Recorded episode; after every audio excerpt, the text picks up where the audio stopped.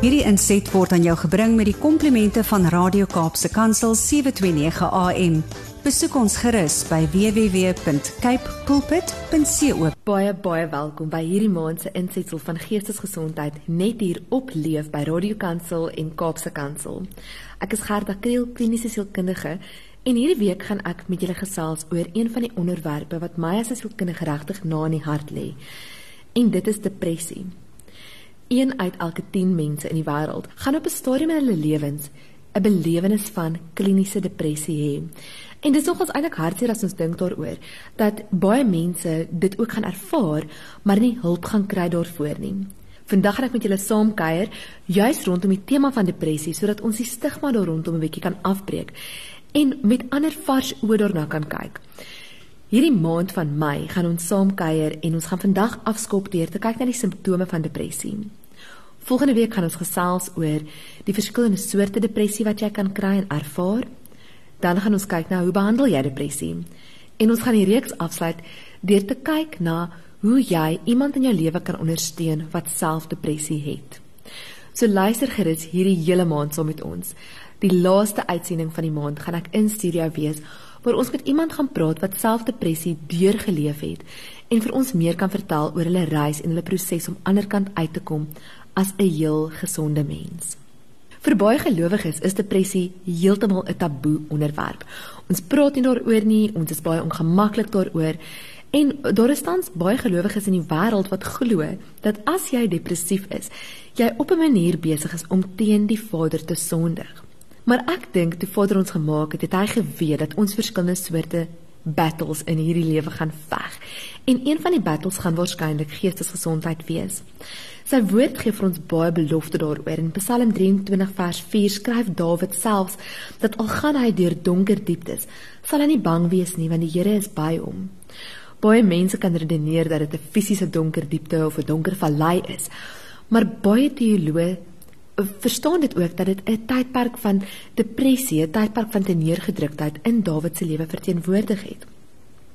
In 1 Petrus 5 vers 7 bemaan Petrus ons om ons bekommernisse op die Here te werp want hy sorg vir ons. Die feit dat hierdie woorde in die skrif is, is vir my so klinkklare bewys dat gelowiges glad nie vrygestel is van geestesprobleme nie. Inteendeel, Ons kan geestesprobleme beleef want ons is nog steeds ook vlees. En in ons vleeslikheid het ons ook nodig om na allerlei siektes te kyk waarvan depressie een daarvan is. As ons nou kyk na depressie en die stigma wat daar rondom is, is dit hartseer dat baie mense nie vir behandeling gaan nie en 'n groot bydraende faktor hiervoor is is stigma. Jy weet ons is bang vir wat mense gaan sê, ons is bang vir wat ons kollegas, ons familielede, ons geliefdes vir ons gaan sê as ons erken ons het depressie of as ons erken dat ons 'n pilletjie moet drink om beter te voel. Maar daar is regtig niks om oor skaam te wees nie. Ek sê dikwels vir mense wat by my praktyk aanklop dat ons moet begin besef dat depressie dikwels vir party mense 'n terminale siekte is. Dit kan lewens neem. As ons net kyk na die selfdoodsyfer in Suid-Afrika, is dit vir ons 'n klinkklare bewys dat depressie nie net ietsie is wat ons ligtelik moet opneem nie, maar dat ons as gelowiges ook werklik moet erns maak daarmee om dit beter te verstaan, om dit te identifiseer en om die toepaslike hulp daarvoor te kry, sodat ons nie ten gronde gaan as gevolg van 'n gebrek aan kennis nie, al is dit mediese of sielkundige kennis. Nou kom ons kyk 'n bietjie wat die tekens van depressie is en ek wil regtig benadruk dat die tekens vir elke persoon anders kan lyk. Meeste mense assosieer depressie eerstens met 'n gevoel van hartseer wat gedurig daar is of 'n angstige gevoel of 'n leë gevoel. Dan ook 'n gevoel van hopeloosheid oor die lewe dat daar net geen sin meer is nie. Mense kan ook gevoelens van skuld of hopelose gevoelens hê of voel dat hulle heeltemal hulpeloos is teen die probleme wat hulle in hulle lewens aanskou en teen die probleme wat in hulle lewens deel van hulle lewe uitmaak. Dit is alles natuurlik waar en en as jy mooi luister na die kernwoord hier, gaan depressie primêr oor die gevoel. Die gevoel wat jy het oor 'n saak. Die hartseer, die angs, die leegheid, die hopeloosheid, die hulpeloosheid. Maar soms is ons as mense so afgestomp van ons gevoelens dat ons nie eens agterkom ons voel so nie. En dan is daar ander simptome en ander tekens wat vir ons ook kan aanduiding gee dat daar 'n probleem is met geestesgesondheid en spesifiek met depressie. Een van die heel belangrikste tekens is is iets wat ons noem anhedonie. Nou anhedonie is wanneer jy nie meer belangstel in die dinge wat jou van tevore vreugde verskaf het nie. Jou stokperdjies of aktiwiteite wat jy geniet het nie. Dan kan iemand met depressie ook slaapprobleme beleef en dit kan of wees dat hulle te veel slaap of dit kan wees dat hulle te min slaap. Hulle sukkel om saans aan die slaap te raak of hulle word baie vroegoggends wakker of hulle word deur die aand 'n paar keer wakker en hulle sukkel om diep rus te kry. Gewigsverlies as gevolg van die eet nie of gewigstoename as gevolg van te veel eet is ook 'n teken van depressie. En dis baie subtiel. Iemand kan op die oppervlak baie gelukkig lyk. Hulle kan hulle ware gevoelens wegsteek. Maar hierdie tekens is soms baie meer subtiel, maar baie meer akkuraat as dit kom by die diagnostisering van depressie. As jy ook sien dat iemand minder energie het as gewoonlik of hulle is gewoonlik die hele tyd moeg of hulle reaksies is stadiger of vertraag, hulle reageer nie op dinge soos wat hulle altyd het nie, kan dit ook 'n teken wees van depressie. Een van die heel belangrikstes is dan natuurlik ook dat daar gedagtes sal wees oor die dood of oor selfdood. Of dat iemand met depressie self sal oorgaan daartoe om 'n selfdoodpoging aan te wend. Wanneer 'n selfdoodpoging onsuksesvol is, is dit vir mense dikwels baie moeilik omdat mense maklik sal sê dit was net 'n poging vir aandag of dit was net 'n poging om mense te kry om hulle raak te sien. Maar die realiteit is dat as jy depressief genoeg is om 'n poging op jou lewe aan te neem, dan het jy 'n ernstige probleem wat professionele hulp benodig. 'n Ander teken van depressie wat baie maklik oorgekyk word, is prikkelbaarheid, geïrriteerdheid, woede, rusteloosheid. En dit word maklik misgekyk omdat ons nie iemand wat depressief en moeg en uitgeput is assosieer met iemand wat aggressief of geaktiveerd is nie. Maar ondanks die feit dat dit steeds 'n oorsiene teken is, is dit 'n baie belangrike een om agter te kom en gaan gewoonlik met 'n groot gevoel van angstigheid saam.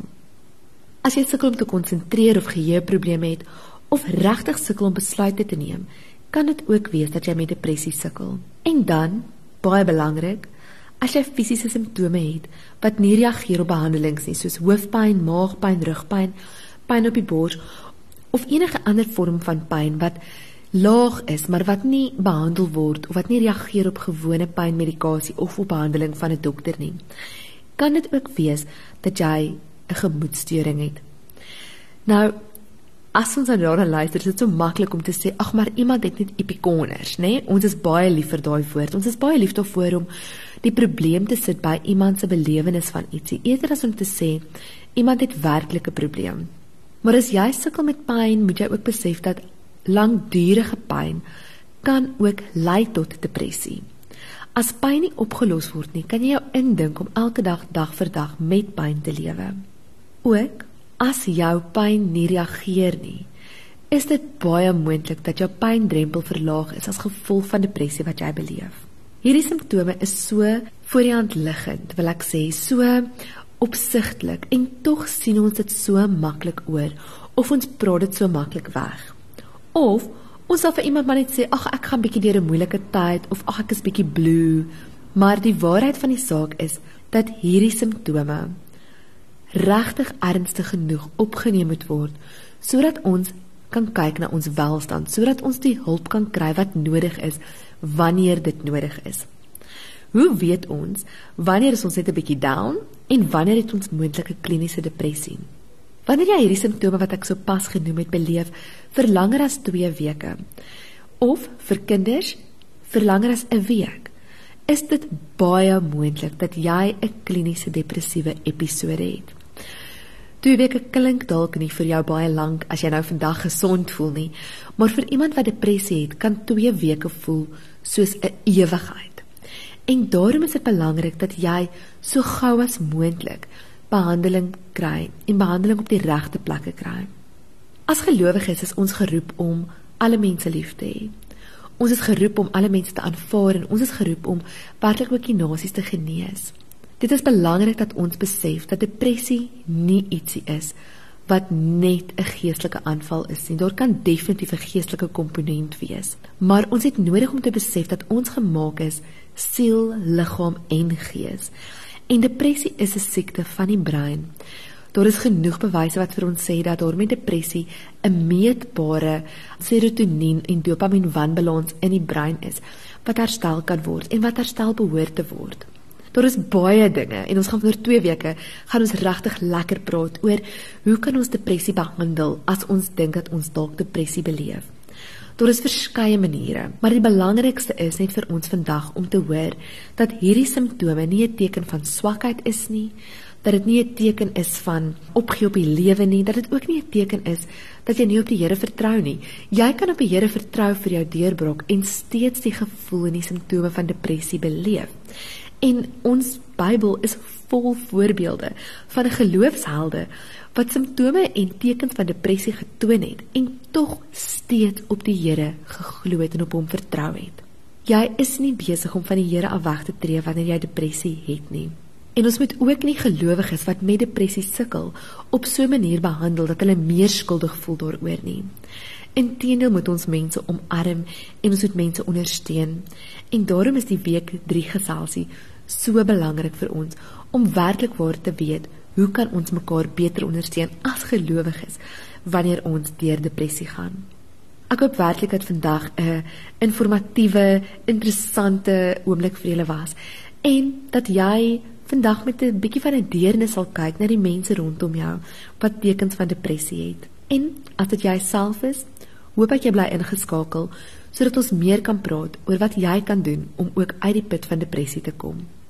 Ek is Gerda Kriel en ek kuier volgende week weer saam met julle net hier op Radio Kansel.